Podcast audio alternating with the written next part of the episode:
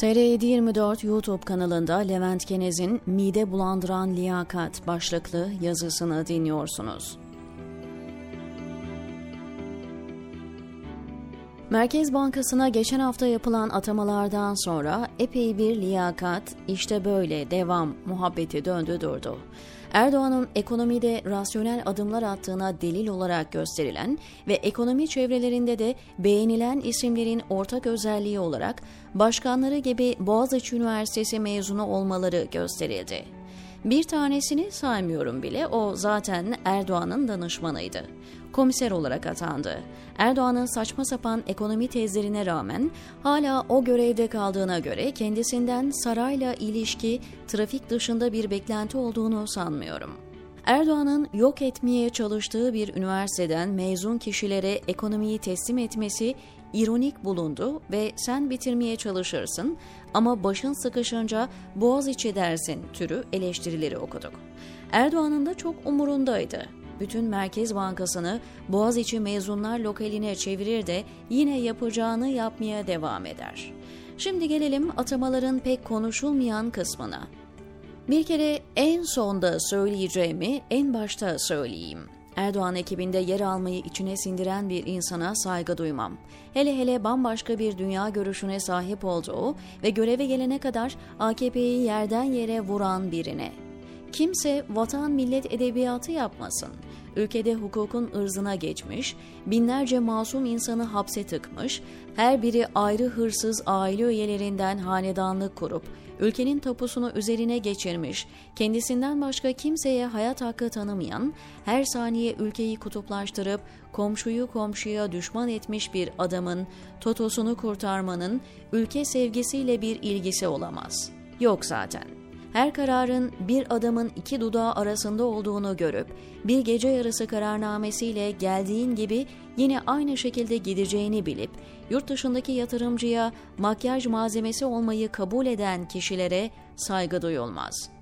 Mezun olduğun ve büyük ihtimalle kariyerinde sana ilk kapıları açan üniversiteyi sıradan bir taşra üniversitesine çeviren birine eleman olmak sadece güneyde her gün nöbet tutan, işinden atılan hocalarına ve meslektaşlarına saygısızlık değildir. En büyük kötülük Boğaziçi sayesinde toplumda hala dikey bir sıçrama şansının peşinde koşan başarılı Anadolu çocuklarına.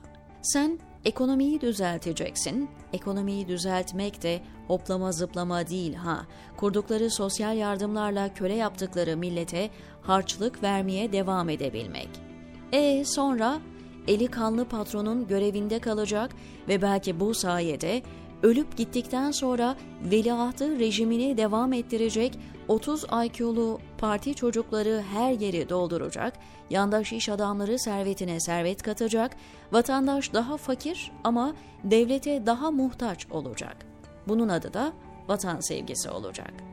Bu ülkenin en iyi eğitimli insanları biraz nefes alabilmek, insanca yaşayabilmek için bir yolunu bulup ülkeden kaçarken, onları kaçıranların saltanatı devam etsin diye yurda dönüş yapmak. Bunun adı başka bir şey de burada söylemeyeceğim. Bir de neye güvenip göreve geliyorsun? Bütün kaynakların yandaşlara peşkeş çekildiği, bütün ihalelerin kat be kat şişirilerek milletin sırtına yüklendiği ülkede artık işler namuslu gideceğini mi söylediler ki ekonomi düzelecek? Senin atanman dışında başka bir liyakat mı var memlekette? Hadi bakanı geçtim. Zaten onuru olsa kendine hırsız diyen, saraydaki tetikçilerine taşlatan adamın yeniden elemanı olmazdı. Karakteri bu kadarmış.'' ülkenin ekonomik sorunlarının temelinin aslında adaletin ve hukukun üstünlüğünün ortadan kalkmış olması ve tek adam rejimi olduğunu bilip ve hala o tek adam görevdeyken ekonominin düzeleceğini sanmak.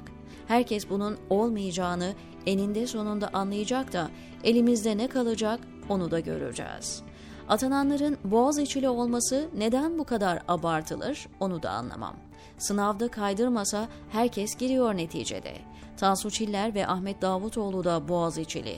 Üniversiteyi mahvetme projesini başlatan ve adı şimdi unutulan Melih Bulu da Boğaziçi'liydi.